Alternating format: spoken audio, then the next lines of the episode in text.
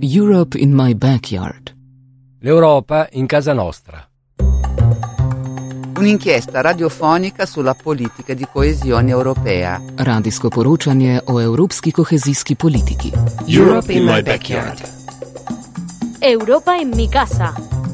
Radio reporting. Un'inchiesta Radioreportage. Un espacio radiofónico sobre la política europea de cohesión. az európai kohéziós politika nyomában. Radio reporting Radioreportagen on European cohesion policy. über die europäische Kohäsionspolitik.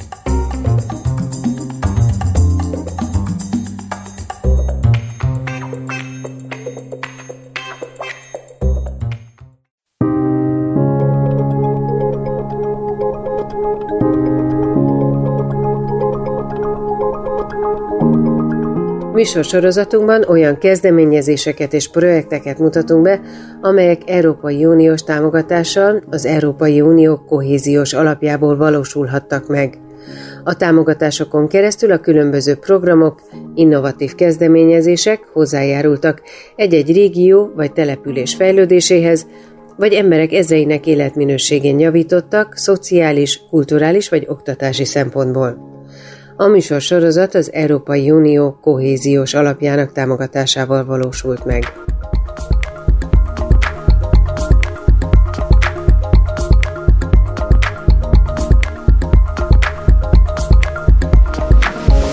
Az Európai Unió támogatásával az elmúlt időszakban számos vasútvonal fejlesztés, illetve járműbeszerzés valósulhatott meg. Az erre a célra kiosztott támogatások egy részét Magyarországon a Gyesev ZRT nyerte el, mely vállalat 1872 óta működik, és napjainkban mintegy 434 kilométeres pályahálózatot tart fenn és üzemeltet. A Gyesebnek jelentős szerepe van a Bécset Sopronon keresztül Győrrel és Budapesttel összekötő forgalomban, valamint a Szombathely, Szentgotthárd, Grász közötti viszonylatban. Bár a vasútársaság forgalma a koronavírus járvány miatt teljesen természetes módon visszaesett, ma már ismét a pandémiás időszak előtti szintek közelében van a vállalat utas forgalma. Az utasok ráadásul a támogatásoknak köszönhetően immáron megújult környezetben vehetik igénybe a Repce vasút szolgáltatásait. Megvalósult ugyanis az elmúlt időszakban több pályafelújítás, korszerűsítési munkálat, illetve járműbeszerzés. Ezen beszerzések során több igazán korszerű motorvonat állhatott szolgálatba, melyek kialakítását még az utasok korábbi visszajelzéseihez is hozzáigazították. A projekt leírása szerint a szerelvényeken légkondicionált terek, zajcsillapított utastér, wifi és kényelmes ülőhelyek várják az utasokat. Sokat fejlődtek emellett műszakilag is a motorvonatok elődeikhez képest. Erről és még sok más kérdésről beszélgetünk a mai adásban. A következő percekben vendégem a Gyesev ZRT részéről Cibula András, stratégiai műszaki fejlesztési igazgató lesz, akit először arról kérdeztem, hogy vasútársaságuk mely vonalakon milyen szolgáltatásokat nyújt az utazó közönségnek.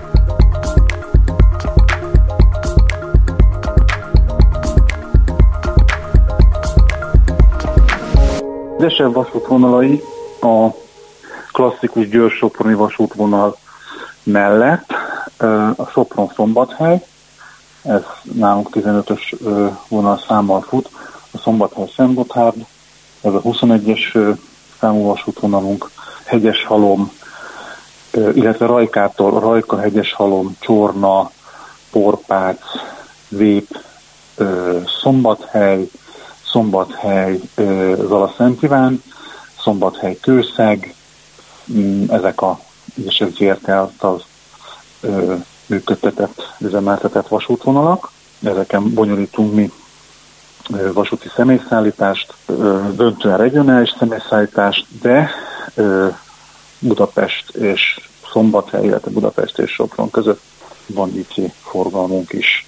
Itt számos adatot találni egyébként egy esevel összefüggésben, hogy mekkora járat kihasználtsággal üzemeltetnek különböző vonalakon különféle járatokat. Itt hozzávetőlegesen mekkora az az utasforgalom, amit most így jelenleg kb. egy év alatt lebonyolítanak. A friss felméréseink szerint a Covid időszak után körülbelül 5,5 millió utasunk van ö, éves szinten. Ez közel megközelíti egyébként a Covid előtti ö, utasszámot várakozásunk, hogy ezeket az utas számokat, amiket korábban elértünk, azokat ismét el fogjuk tudni érni.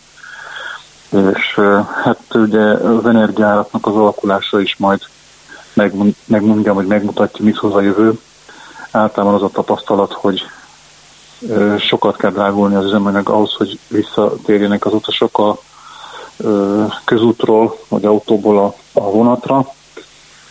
Hát meg a hatóságjárnak a változása majd megmutatja, hogy ez a feltételezésünk ez mennyire lesz igaz olvasni itt az Unió kohéziós oldalán mindenféle infrastruktúrális fejlesztésekről, amiket egyébként már korábban elvégeztek. Milyen jellegű fejlesztésekről van itt szó? Itt több esetben például látok olyan kitételt, hogy a vonalakon megengedett legnagyobb maximális sebességet szeretnék megemelni, sőt, itt szóba kerül egy 160 km per órás megengedett sebességű vonal kialakítása is.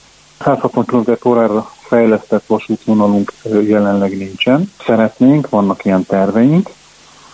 Győr és Csorna között, ez a Győr-Sopron vonalnak az első, első szakasza. Ott szeretnénk első körben egy 160 km per órás sebességű fejlesztést majd megvalósítani. Hát egyelőre a, az előkészületekhez van támogatási szerződésünk, ez azt jelenti, hogy a, a tervek, kiviteli tervek készítésére van forrásunk. A kivitelezés az, az, az egy külön későbbi idő.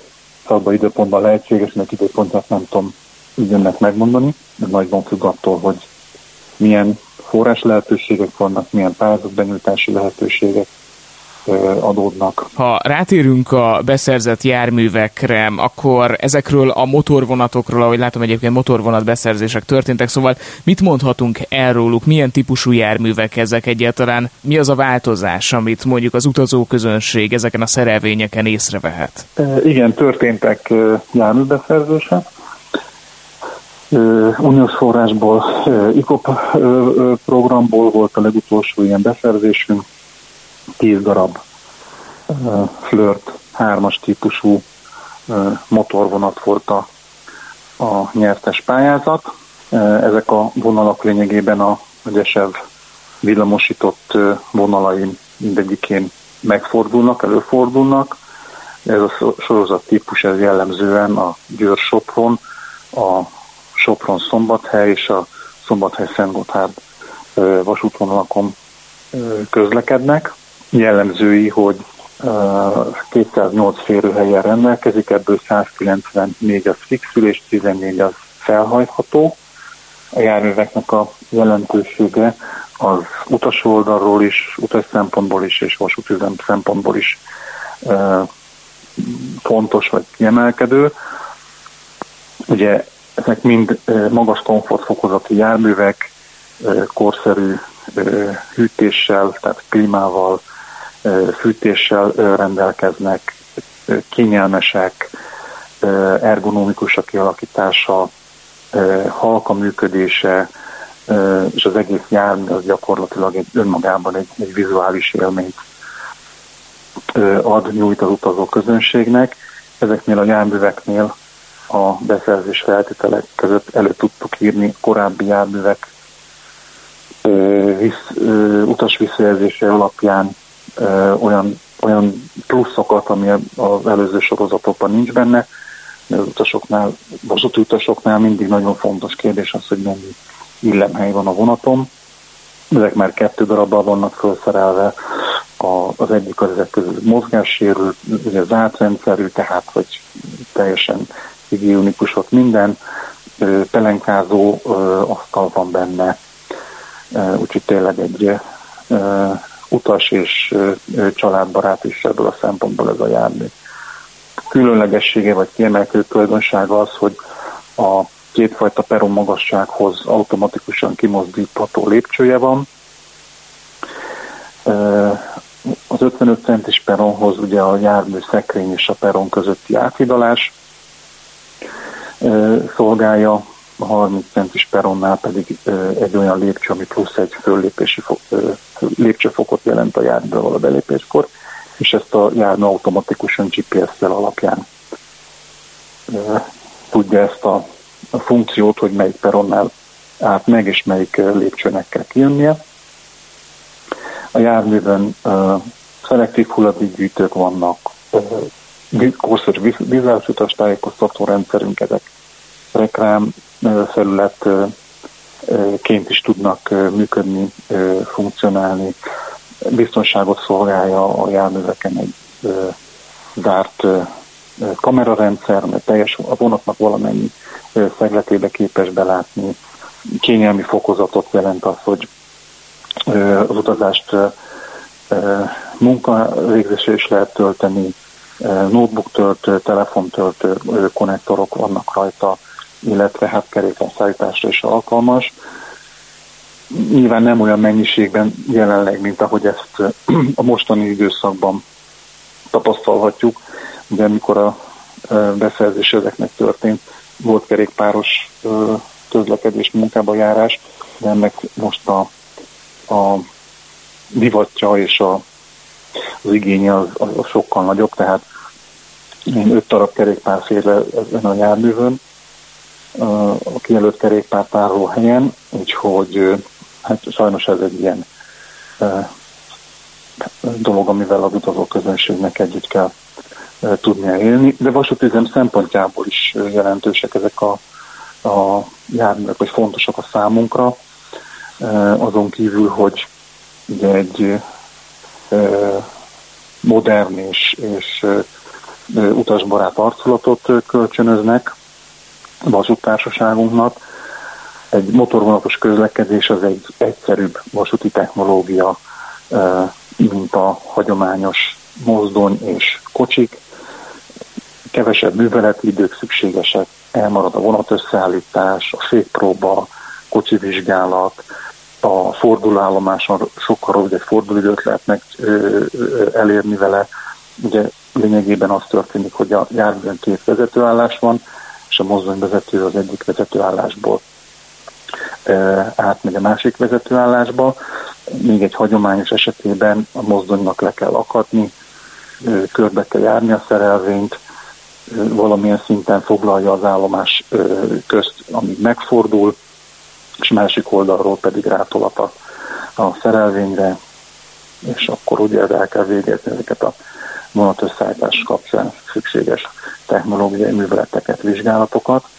Tehát sokkal gyorsabb fordulóidőt tesz ez a motorvonatos közlekedés lehetővé, ami egyébként azt is elősegíti, hogy sokkal könnyebb és ö, ö, kedvezőbben lehet ütemes menetrendet ö, létrehozni ami egyébként valamilyen szinten visszaköszön utas oldalon, szintén a vasúti közlekedésnek azt a komfortfokozatát segíti elő, ami, ami növeli a, a közlekedés attraktivitását.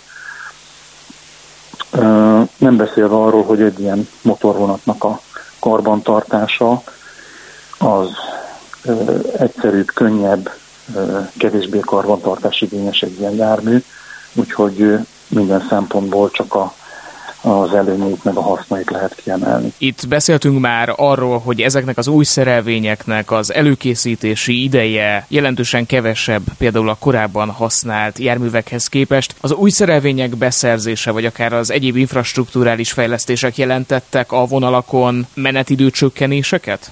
Valamelyest hozhattak, mivel hogy ezeknek a gyorsító képessége is azért jobb mozdony és hagyományos kocsi összeállításnál, de ez, ez valószínűleg nem annyira jelentős. A menetidő csökkenés az elsősorban a vasúti pályaoldali fejlesztések hozták meg, különösen a Sopron-Szombathely és a mm, Szombathely Fendlipárd vonalakon, ahol a 60 km per órát egy, szintén egy uniós projekt keretében 120 km per órára sikerült felemelni, és ugye a, a nagy, nagy menetidő csökkenést ez a jelentős sebességbeli lépés és ugrás hozta.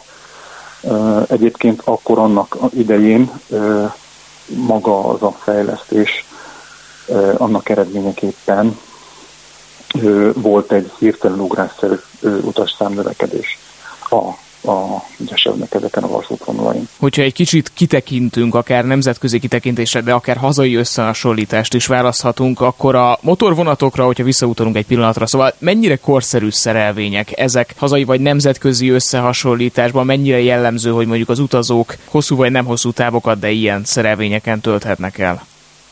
Ezek, ezek a szerelvények, ezek kifejezetten korszerű szerelvények. Talán nem említettem a, a szolgáltatási szintek közül, hogy wifi, tehát utas wifi-t szolgáltatnak, tehát ezzel is lehetőség nyílik arra, hogy utazás közben akár munkavégzés is tudjon történni. Gyakorlatilag ezek a mai technikai színvonalon lévő járművek mindegyik. Úgyhogy korszerűek, magas műszaki színvonalat képviselnek, esztétikusak, kényelmesek. Pillanatra visszamennék egy lépésre, itt utalt arra, hogy volt már például olyan felújítási munkálat is, ahol az adott vonal megengedett legnagyobb sebességét 60 km per óráról 120 km per órára növelték. Ez a 120 km per órás érték, ez mennyire számít fejletnek, mondjuk így a vasúti infrastruktúrákat tekintve, mennyire jó ez a szám? Mindenképpen ez egy jó sebességérték, ha úgy veszük. Gyesernek ezek a vonalai, ezek regionális közlekedés szolgálnak, tehát ilyen regionális szinten egy 120 km per órás sebesség az, az kifejezetten jónak mondható. Europe in my backyard. L'Europa in casa nostra. Un'inchiesta radiofonica sulla politica di coesione europea. Radijsko poročanje o evropski kohezijski politiki. Europe in my backyard. Europa en mi casa. Radio reporting. Un'inchiesta. Radioreportage. Un espacio radiofónico sobre la política europea de cohesión. Az európai kohéziós politika nyomában. Radio reporting. Radioreportagen on European cohesion policy. Über die europäische Kohäsionspolitik.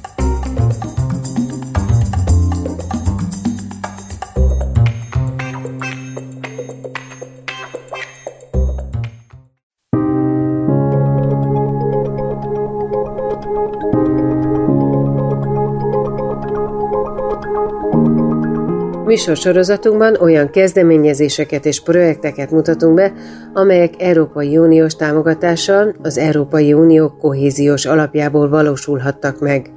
A támogatásokon keresztül a különböző programok, innovatív kezdeményezések hozzájárultak egy-egy régió vagy település fejlődéséhez, vagy emberek ezreinek életminőségén javítottak szociális, kulturális vagy oktatási szempontból. A műsor sorozat az Európai Unió kohéziós alapjának támogatásával valósult meg.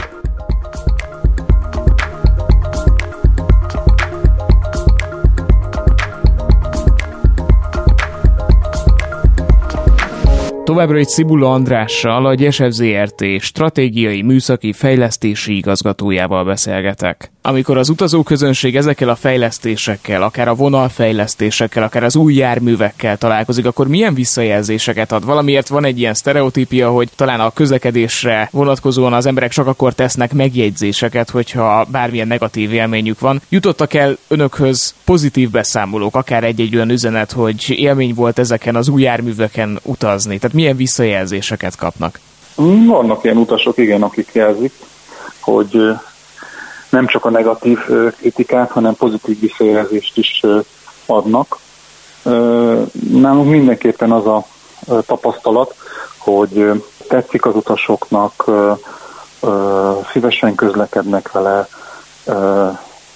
aki ezzel utazik, az, az, az, az szívesen választja, tehát meg vannak elégedve ezekkel a járművekkel. Itt, hogyha a következő időszakról beszélünk, akkor érdekelne mindenképpen az, hogy például egy SF házatáján az önök alá tartozó vasútvonalakon, vagy akár a szerelvények tekintetében milyen fejlesztésekre számíthat az utazóközönség, mi az, ami mondjuk így a következő néhány évre terve van véve? SF vasútvonal hálózata majdnem teljes mértékben villamosított, kivételt képező a Szombathely Kőszeg vasútvonal.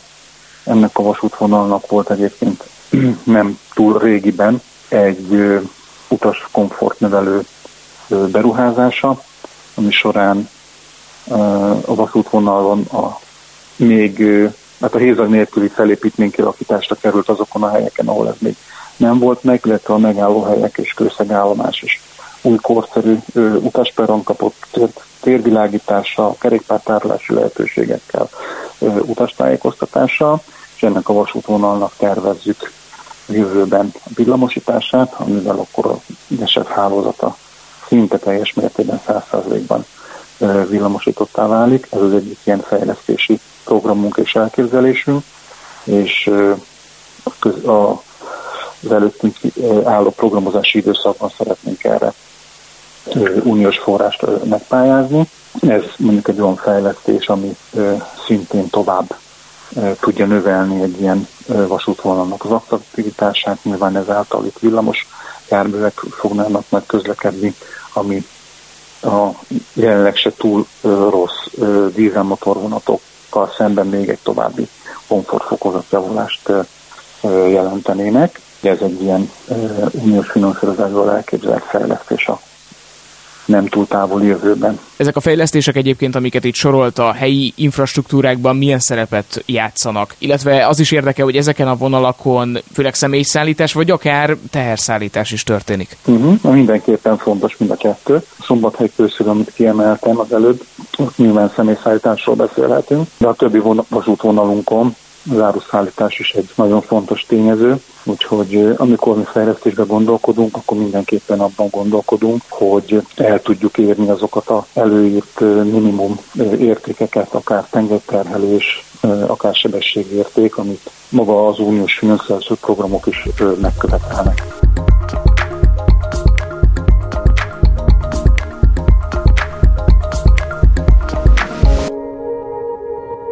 Az elmúlt közel fél órában Cibula Andrással, a Gyesev ZRT stratégiai műszaki fejlesztési igazgatójával beszélgettem a vasútársaság uniós forrásokból megvalósult beruházásairól. A Gyesevnek jelentős szerepe van a Bécset Sopronon keresztül Győrrel és Budapesttel összekötő forgalomban, valamint a Szombathely, Szent Gotthárd, Grász közötti viszonylatban. Bár a vasútársaság forgalma a koronavírus járvány miatt teljesen természetes módon visszaesett, ma már ismét a pandémiás időszak előtti szintek közelében van a vállalat utas forgalma. Az utasok ráadásul a támogatásoknak köszönhetően immáron megújult környezetben vehetik igénybe a repcevasút szolgáltatásait. Megvalósult ugyanis az elmúlt időszakban több pályafelújítás, korszerűsítési munkálat, illetve járműbeszerzés.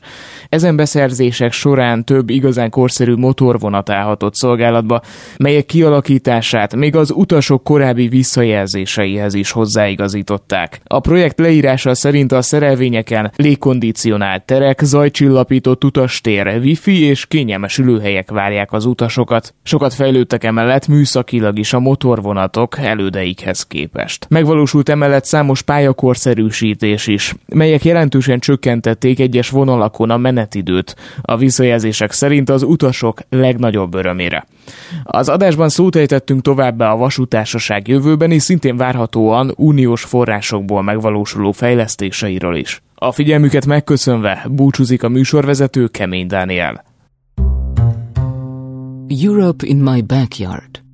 L'Europa in casa nostra. Un'inchiesta radiofonica sulla politica di coesione europea. Radijsko poročanje o evropski kohezijski politiki. Europe in my backyard. Europa in mi casa. Radio reporting. Un'inchiesta. Radioreportage. Un espacio radiofónico sobre la política europea de cohesión. Az európai kohéziós politika nyomában. Radio reporting. Radioreportagen on European cohesion policy. über die europäische Kohäsionspolitik.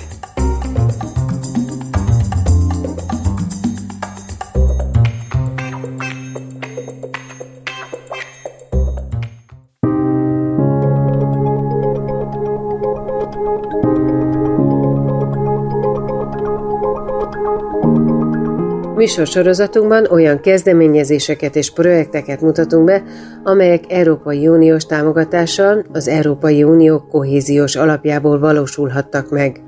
A támogatásokon keresztül a különböző programok, innovatív kezdeményezések hozzájárultak egy-egy régió vagy település fejlődéséhez, vagy emberek ezreinek életminőségén javítottak szociális, kulturális vagy oktatási szempontból.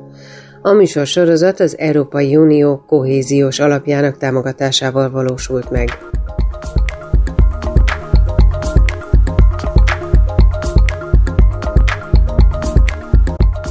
A hazánkba érkező uniós támogatásoknak köszönhetően nem csak beruházások, hanem kísérleti, új civilek bevonásával megvalósuló projektek is létrejönnek. Ezek közül talán a legjelentősebb az integritási megállapodás projekt, mely az elmúlt időszakban helyi civil partnerekkel közösen 18 közbeszerzési szerződést követett nyomon 11 uniós tagállamban.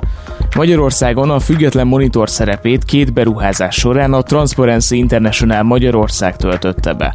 A következő fél órában Nagy Gabriellával a civil szervezet projektmenedzserével beszélgetek. Kezdjük az elején. Milyen céllal és milyen eszközökkel valósul meg ez az integritási projekt? Transparency International Magyarországnál egyébként is foglalkozunk az uniós pénzek felhasználásával, próbáljuk monitorozni, kutatni ezeknek a korrupciós kockázatait, de az elmúlt hat évben volt egy kiemelt nagy projektünk az Európai Bizottság megbízásából. Tulajdonképpen ez egy kísérleti projekt volt, amiben 11 ország vett részt. 11 országban 18 nagy uniós projektet monitoroztak civil szervezetek, mm, és a lényeg az volt, hogy, hogy egyfajta független monitorozást nyújtsanak a civilek, ugyanis tehát azt tudni kell, hogy például csak Magyarországon az elmúlt 7 éves periódusban, ugye az Uniónak ugye 7 éves költségvetései, költségvetése van, több mint 60 ezer projekt valósult meg uniós pénzből, és ez csak Magyarország, és ugye van még 27 másik vagy 26 másik tagállam. Tehát nincs olyan szervezet Brüsszelben meg sehol, aki ezt mindet ellenőrizni tudná ténylegesen.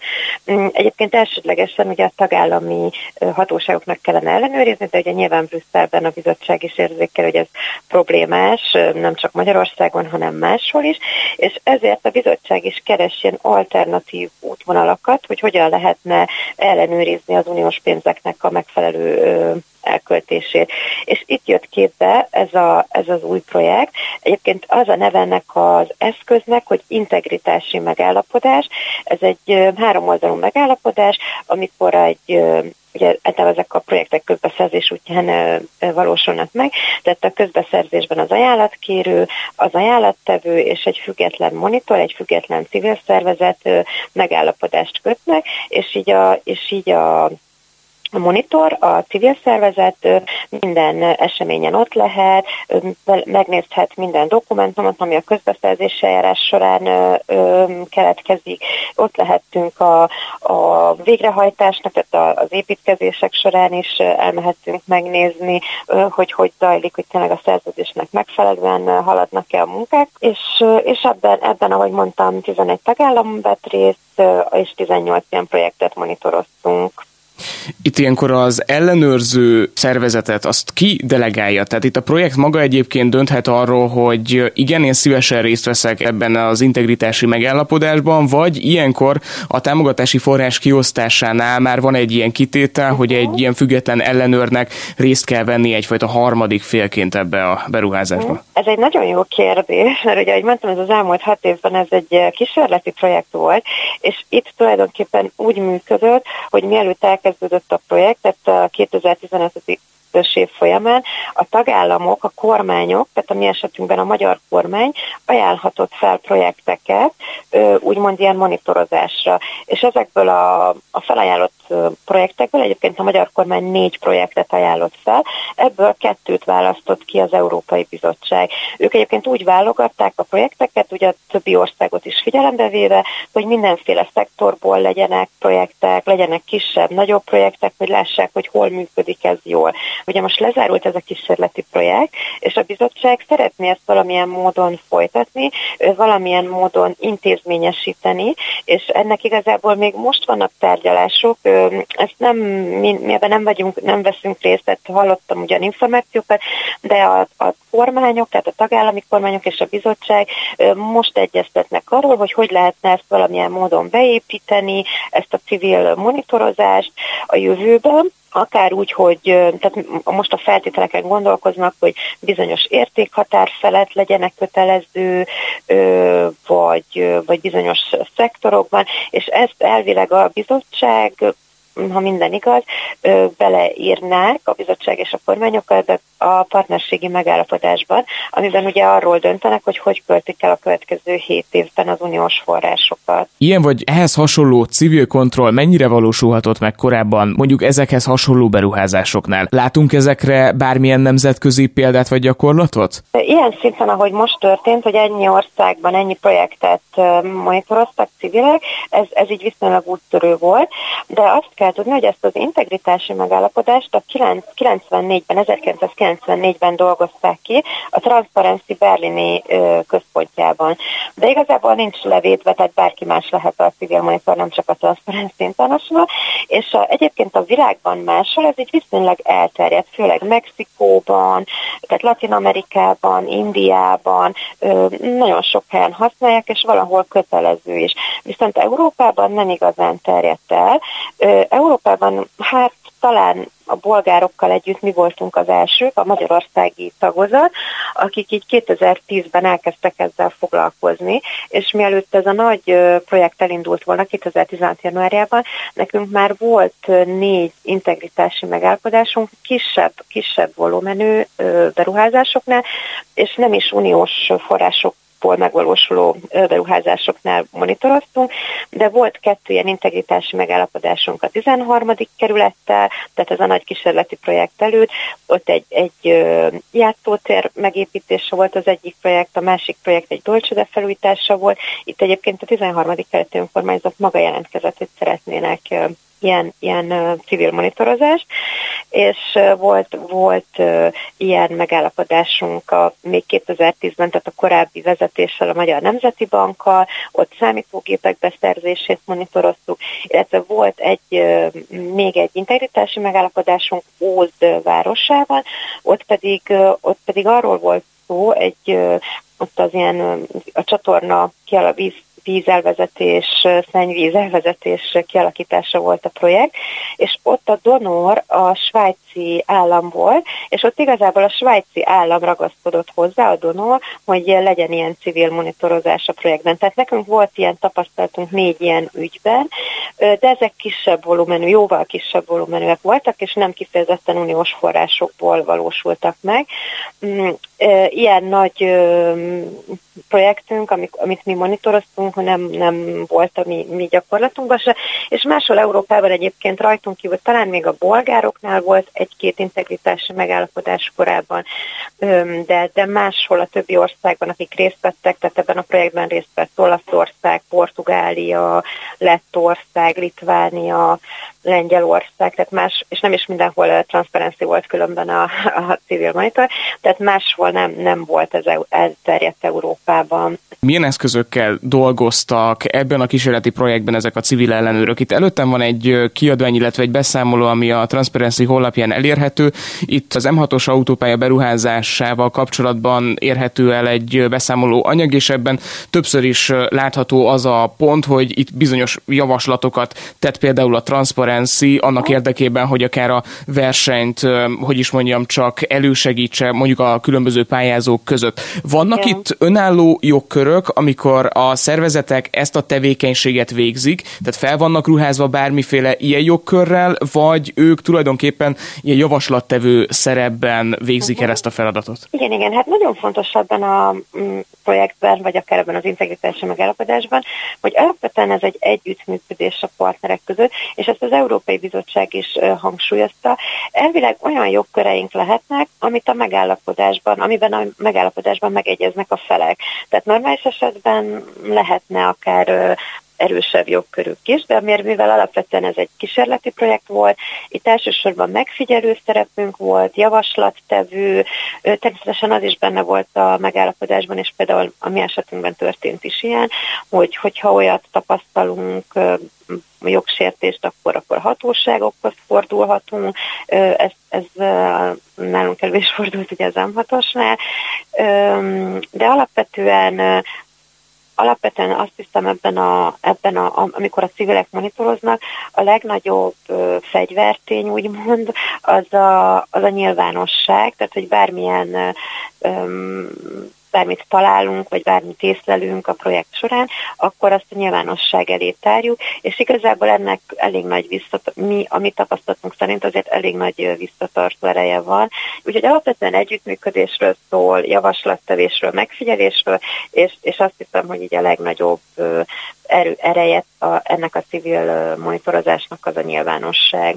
Mennyire lehet átfogó egy ilyen civil monitor? Valamennyi dokumentumot, valamennyi akár üzleti titkot átláthatnak ezek az ellenőrző civil szervezetek, vagy adott esetben előfordulhat olyan, hogy a cég valamilyen információ átadása során azt mondja, hogy bocsi, ezt most nem árulom el. Hát alapvetően nyilván nem állunk ott a gépük felett, tehát lehet, hogy elkezdett, hogy, hogy van, amit nem látunk, de a tapasztalatunk az volt, hogy, hogy megkaptunk minden dokumentumot, üzleti titkokat is láthattunk, tehát olyan dokumentumokhoz volt így hozzáférésünk, amit normálisan, tehát normálisan nem láthatnánk, tehát a, a magyar közbeszerzési adatbázis nagyon sok mindent tartalmaz. Tehát tényleg egyébként a nyilvánosság terén egyébként jól teljesítünk Európában, tehát nagyon sok adatot, információt meg lehet találni a közbeszerzési adatbázisban, hogyha bármilyen érdeklődő rákeres egy közbeszerzési eljárásra.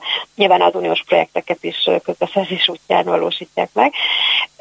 Viszont így, még így is vannak olyan olyan információk, itt elsősorban tényleg üzleti titok, titkokról van szó, akár az ajánlatokról, tehát a konkrét költségvetésről, amit benyújtanak az ajánlattevő, amik nem derülnek ki ezekből a nyilvános adatbázisokból, és nagyon-nagyon érdekes, nagyon meglepő információkat lehet találni ezekben az egyébként nem nyilvános dokumentumokban, és így, és így tényleg volt értelme, vagy, vagy hasznos egy ilyen civil monitorozás.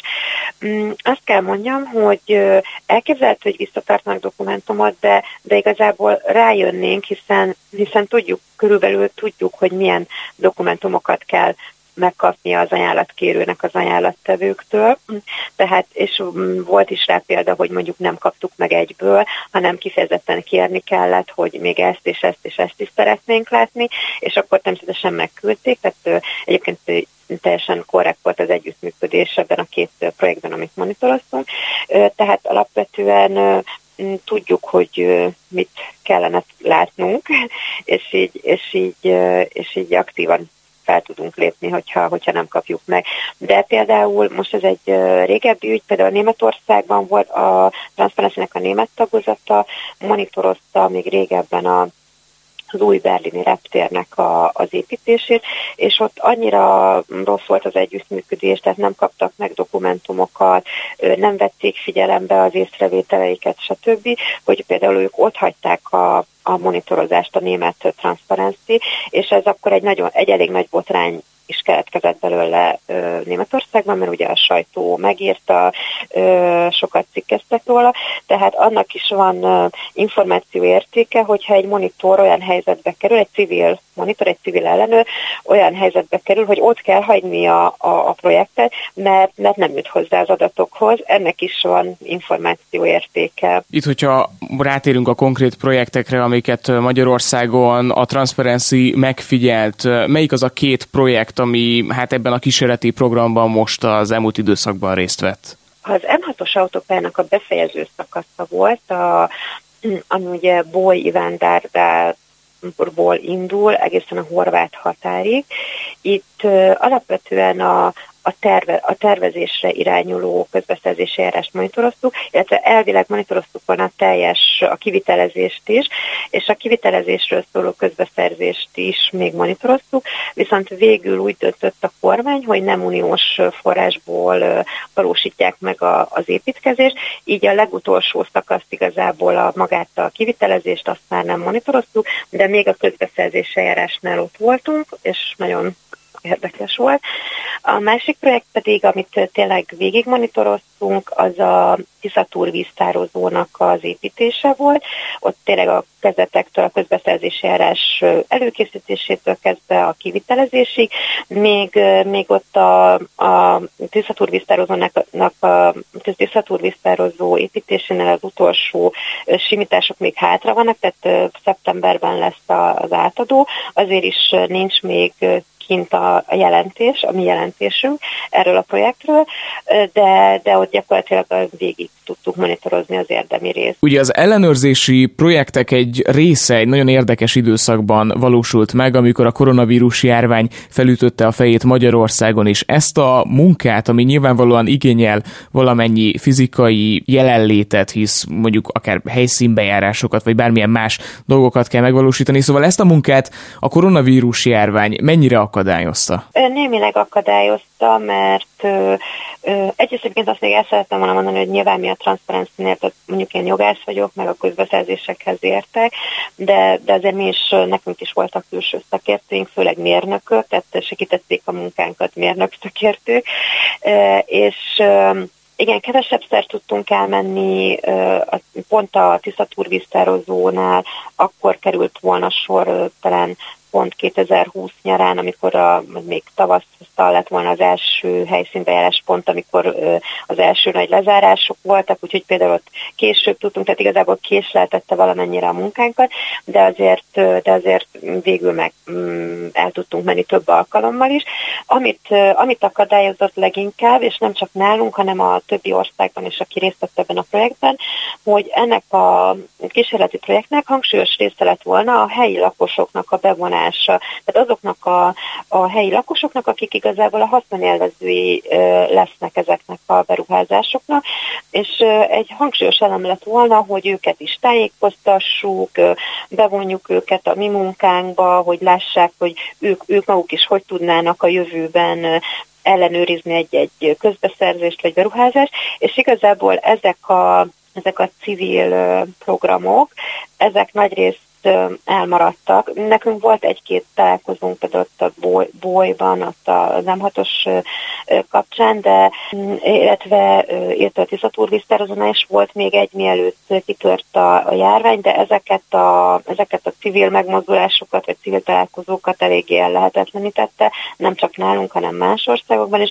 Úgyhogy ez az eleme a kísérleti projektnek, hogy a helyi lakosság bevonása, ez nem tudott igazából megvalósulni a, a járvány miatt visszautalnék egy pillanatra arra, amit mondtál, hogy itt azért külső szakértők hát igencsak részt vettek ebben a projektben. Sejtem azt egyébként, hogy nem, feltétlen kell minden civil szervezetnek a témába vágó legpontosabb szakemberre rendelkezni, hanem ilyenkor a szervezet nyilvánvalóan segítséget kér. Igen, igen, igen. Itt milyen erőforrásokkal lehet egyébként dolgozni? Tehát, hogyha például ezt a két konkrét projektet nézzük meg, ami Magyarországon megvalósult, akkor milyen külső segítséget kapott például a transzparenci, és ők milyen megállapításokat tudtak megtenni például így a monitorozás során? Nyilván ezeknél az integritási megállapodásoknál öm, általában szükségünk van egy vagy két külső szakértőre, attól függ, hogy miről szól a projekt, tehát például a Tisztatúr víztározónál ugye vízépítőmérnöknek volt a segítségére szükségünk, a, az M6-osnál autópálya építésben jártas mérnök szakértelemre volt szükségünk. Egyébként ez, ez egy nagyon érdekes kérdés, mert másod is felmerült, de talán kevésbé, mint nálunk, hogy, hogy nagyon nehéz volt olyan szakértőt találnunk, aki igazából független, hiszen tehát nekünk fontos volt, hogy olyan szakérte, szakértőnk legyen, aki ugye nem, nem vesz részt a projektben, vagy más projekteken nem dolgozik az ajánlatkérővel, tehát például, hogyha az M6-os autópályát veszük, ott ugye az ajánlatkérő a Nemzeti Infrastruktúra ZRT volt, és, és ugye a Nemzeti Infrastruktúra ZRT az, aki minden autópályát épít, tehát gyakorlatilag minden mérnök, aki jártas autópályaépítésben, előbb vagy utóbb dolgozik a a NIF-fel, a Nemzeti Infrastruktúra Fejlesztő ZRT-vel, úgyhogy nekünk ez különösen nehéz volt független szakembert találnunk, vagy például a, a vízépítőmérnökök sincsenek olyan sokan, akik ugye ne dolgoznának az országos vízügyi főigazgatósággal. Végül is itt úgy sikerült megoldanunk, hogy egyik esetben egy már nyugdíjas mérnök segítette a munkánkat, aki azért elég jól ismerte a magyarországi viszonyokat, ez a külső szakértelem, ez nálunk egy mindig egy, egy érzékeny téma, hogy, hogy, hogy független jó szakember tudjunk találni. Más országokban ahol nagy, nagyobb, tehát egy Olasz, Olaszország van például, hogy sokkal nagyobb ország, ők sokkal könnyebben találnak olyan szakembert, aki, aki nem dolgozik a résztvevő felekkel, vagy volt olyan ország, ahol meg tudták úgy oldani, hogy akár a nyelvi hasonlóság miatt, akár más országból is tudtak segítséget kapni, úgyhogy nálunk ez mindig egy, egy értékeny téma, de azért eddig mindig sikerült megoldanunk Egyébként pedig nyilván ennek anyagi vonzata is van, hiszen ö, a csapat többi tagja az nyilván a transzparenciának a munkavállalója, tehát nekünk, nekünk ez ö, ö, munkaköri kötelességünk, hogy mondta, hogy, hogy ez a feladatunk, hogy ezt a munkát végezzük, de külső szakértő esetén van anyagi vonzata.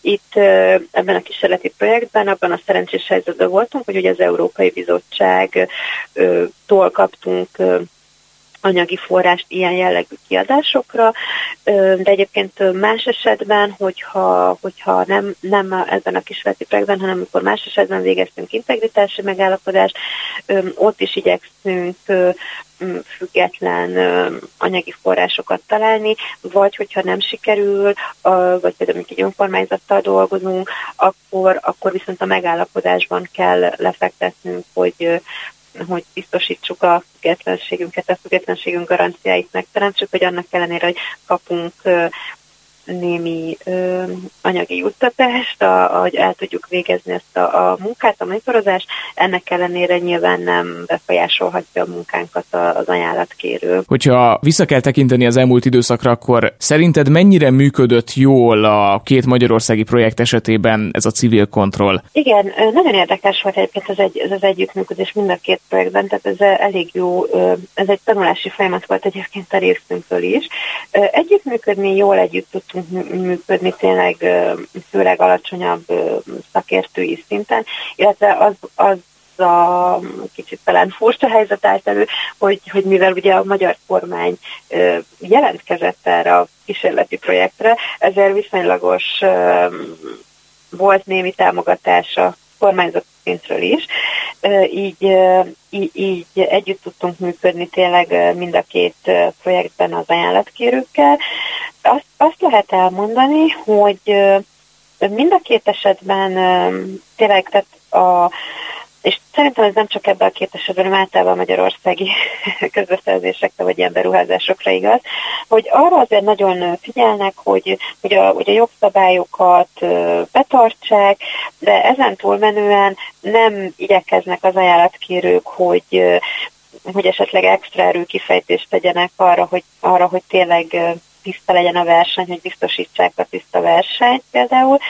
És nem azt gondolom, hogy, hogy, hogy most ez bármilyen rossz, hogy korrupt szándék volt, tehát ott a, akár a NIF-nél, az OVS-nél még kevésbé, de a NIF-nél is nem, nem a munkavállalók korruptságáról lenne szó, hanem, hanem nyilván mindenkinek sok munkája van, úgy végzik a, tehát a közbeszerzések írására is úgy kerül sor, hogy ahogy azt megszokták, tehát megszokás alapján, mindig, tehát most mondok példát, mert most nagyon absztrakt, amit így mondok, de hogy például a, az autópályaépítésnél lehetett látni, hogy ugye nagyon sok autópályát épít a, a NIF, a Nemzeti Infrastruktúra Felsző, hogy ők mindig ezeket a feltételeket írják ki, hogy olyan gazdasági szerep olyan cég pályázhat, aki, aki már épített, nem tudom én, 10 kilométer, kétszer-két sávos fizikai elválaszt támogatással rendelkező, nem tudom, ilyen olyan autó, tehát ilyen nagyon-nagyon részletesen körbeírt feltételek vannak, és feltetően ez nyilván nekik is így a legegyszerűbb, hogy, hogy ezt minden alkalommal ezt használják. És közben ugye mi egyik javaslatunk az volt, hogy, hogy nyilván amikor ilyen kevés ajánlattevő van általában, ugye egyébként magyarországi közbeszerzések majdnem felénél ugye csak egy ajánlattevő van, akkor azért el kell gondolkozni azon, hogy lehet, lehet-e egyíteni ezeket a feltételeket, hogy mi az, ami még, még belefér, de, de nem kell ennyire részletesen körbeírni, hogy, hogy aki egyszer egy sávos autóutat, országutat már tervezett, az biztos fog tudni kétszer-két sávos utat is tervezni. Most csak ez egy leegyszerűsítve mondom ezt a példát. És egyébként el is fogadta, tehát az állatkérő a el is fogadta ezeket a javaslataikat, és erre mondom azt, hogy, hogy azért sokszor lehet látni, hogy hogy megszokásból nyilván a legegyszerűbb, legkönnyebb utat követik mondjuk a közbeszerzést kiírók is.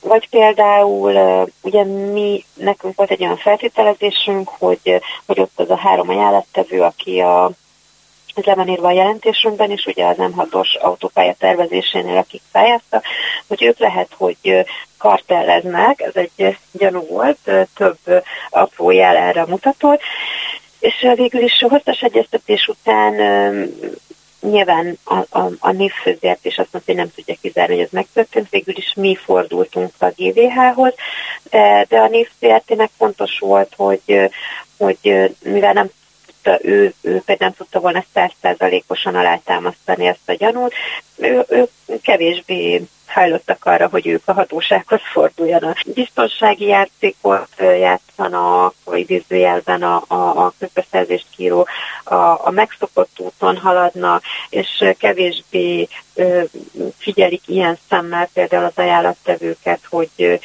hogy lehet-e esetleg összejátszás köztük, vagy kevésbé tekintik azt, hogy mi, milyen eszközökkel lehetne szélesíteni a verseny, és talán ez is egy, egy előnye egy ilyen civil monitorozásnak, hogy egy egy friss szemmel rátekintve ezekre az eljárásokra, talán tudunk adni ilyen, ilyen javaslatokat. Szerinted egy ilyen vagy ehhez hasonló, hogy is mondjam, csak civil kontrollnak a jövőben mondjuk akár az uniós beruházások, vagy akár a hazai beruházások során mennyire lenne tere, mennyire lehetne ez életképes egyáltalán, mennyire lenne jó ötlet mondjuk ennek valamilyen rendszert adni, hogy ezen projektek akár sűrűbben is, akár így a civilek részéről meg tudjanak valósulni? Válaszolni? Igen, ez egy nagyon jó kérdés, mert, mert szó van erről, tehát én úgy tudom, hogy, hogy a magyar kormány hajlik arra, hogy a jövőben is ö, ö, esetleg több projektnél is legyen ilyen civil kontroll, ilyen civil monitorozás. Ö, nem tudom, ugye ez, ez, ez az eszköz, amiről beszélünk, ez az integritási megállapodás, azért elég ilyen egyedi, tehát egy-egy eljárásra, vagy egy-egy beruházásra fókuszál, és ez, ez egy nagy kérdés, a bizottság is gondolkozik ezen, de akár a transzparency is, a berlini központban, vagy akár mi is, hogy hogy lehet ezt kicsit kinyitni, hogy több projektet tudjunk, akár nem csak mi, hanem más civilek is az országban, hogy hogy, tudja, hogy tudnánk átadni ezt a tudást más civil szervezetnek, hogy mások is tudják ezt végezni. De mindenképpen én azt gondolom, hogy hasznos lehet, mert sokszor sokszor azt veszük észre, hogy, hogy nem is rossz szándékból, vagy korrupt szándékból, de vannak olyan rossz gyakorlatok, amik, amiket így, így lehet javítani. És, és az, is, az is egyébként a gondolkodás tárgya, hogy milyen jellegű, milyen jellegű beruházásoknál lenne hasznos, hogy kisebb volumenű vagy nagyobb volumenűeknél, építési beruházásoknál, vagy akár másra, tehát szolgáltatásra vagy árubeszerzésre vonatkozó projekteknél lenne hasznos. Én egyébként azt tapasztalom, mert ugye a mi gyakorlatunkban ezen a két nagy projekten kívül is volt más kisebb is, volt középkeztetésre, középkeztetés beszerzésére vonatkozó közbeszerzésre is volt integritási megállapodásunk, hogy mindenhol tud haszna lenni, lehet, hogy kisebb vagy nagyobb, de, egyébként hasznos tud lenni ez az eszköz, de az fontos látni, hogy ez egy-egy beruházásra fókuszál, és nem, nem alkalmas arra, hogy nagy rendszer szintű változásokat érjen el. Az elmúlt fél órában Nagy Gabriellával, a Transparency International Magyarország projektmenedzserével beszélgettem az integritási megállapodás projektről, mely keretében civilek az elmúlt időszakban 18 beruházási programot ellenőriztek 11 uniós tagállamban. A figyelmüket megköszönve búcsúzik a műsorvezető Kemény Dániel.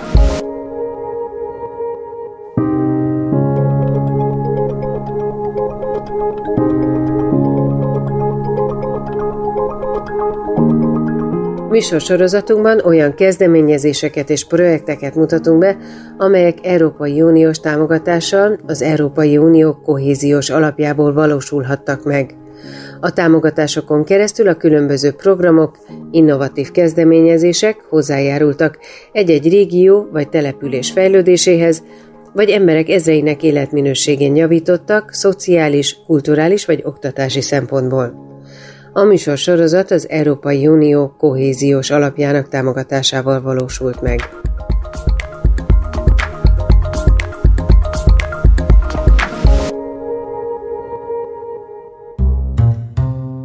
Europe in my backyard. L'Europa in casa nostra. Un'inchiesta radiofonica sulla politica di coesione europea. Radijsko poročanje o evropski kohezijski politiki. Europe in my backyard. Europa en mi casa. Radio reporting. Un'inchiesta. Radioreportage. Un espacio radiofónico sobre la política europea de cohesión. Az európai kohéziós politika nyomában. Radio reporting Radioreportagen on European cohesion policy. über die europäische Kohäsionspolitik.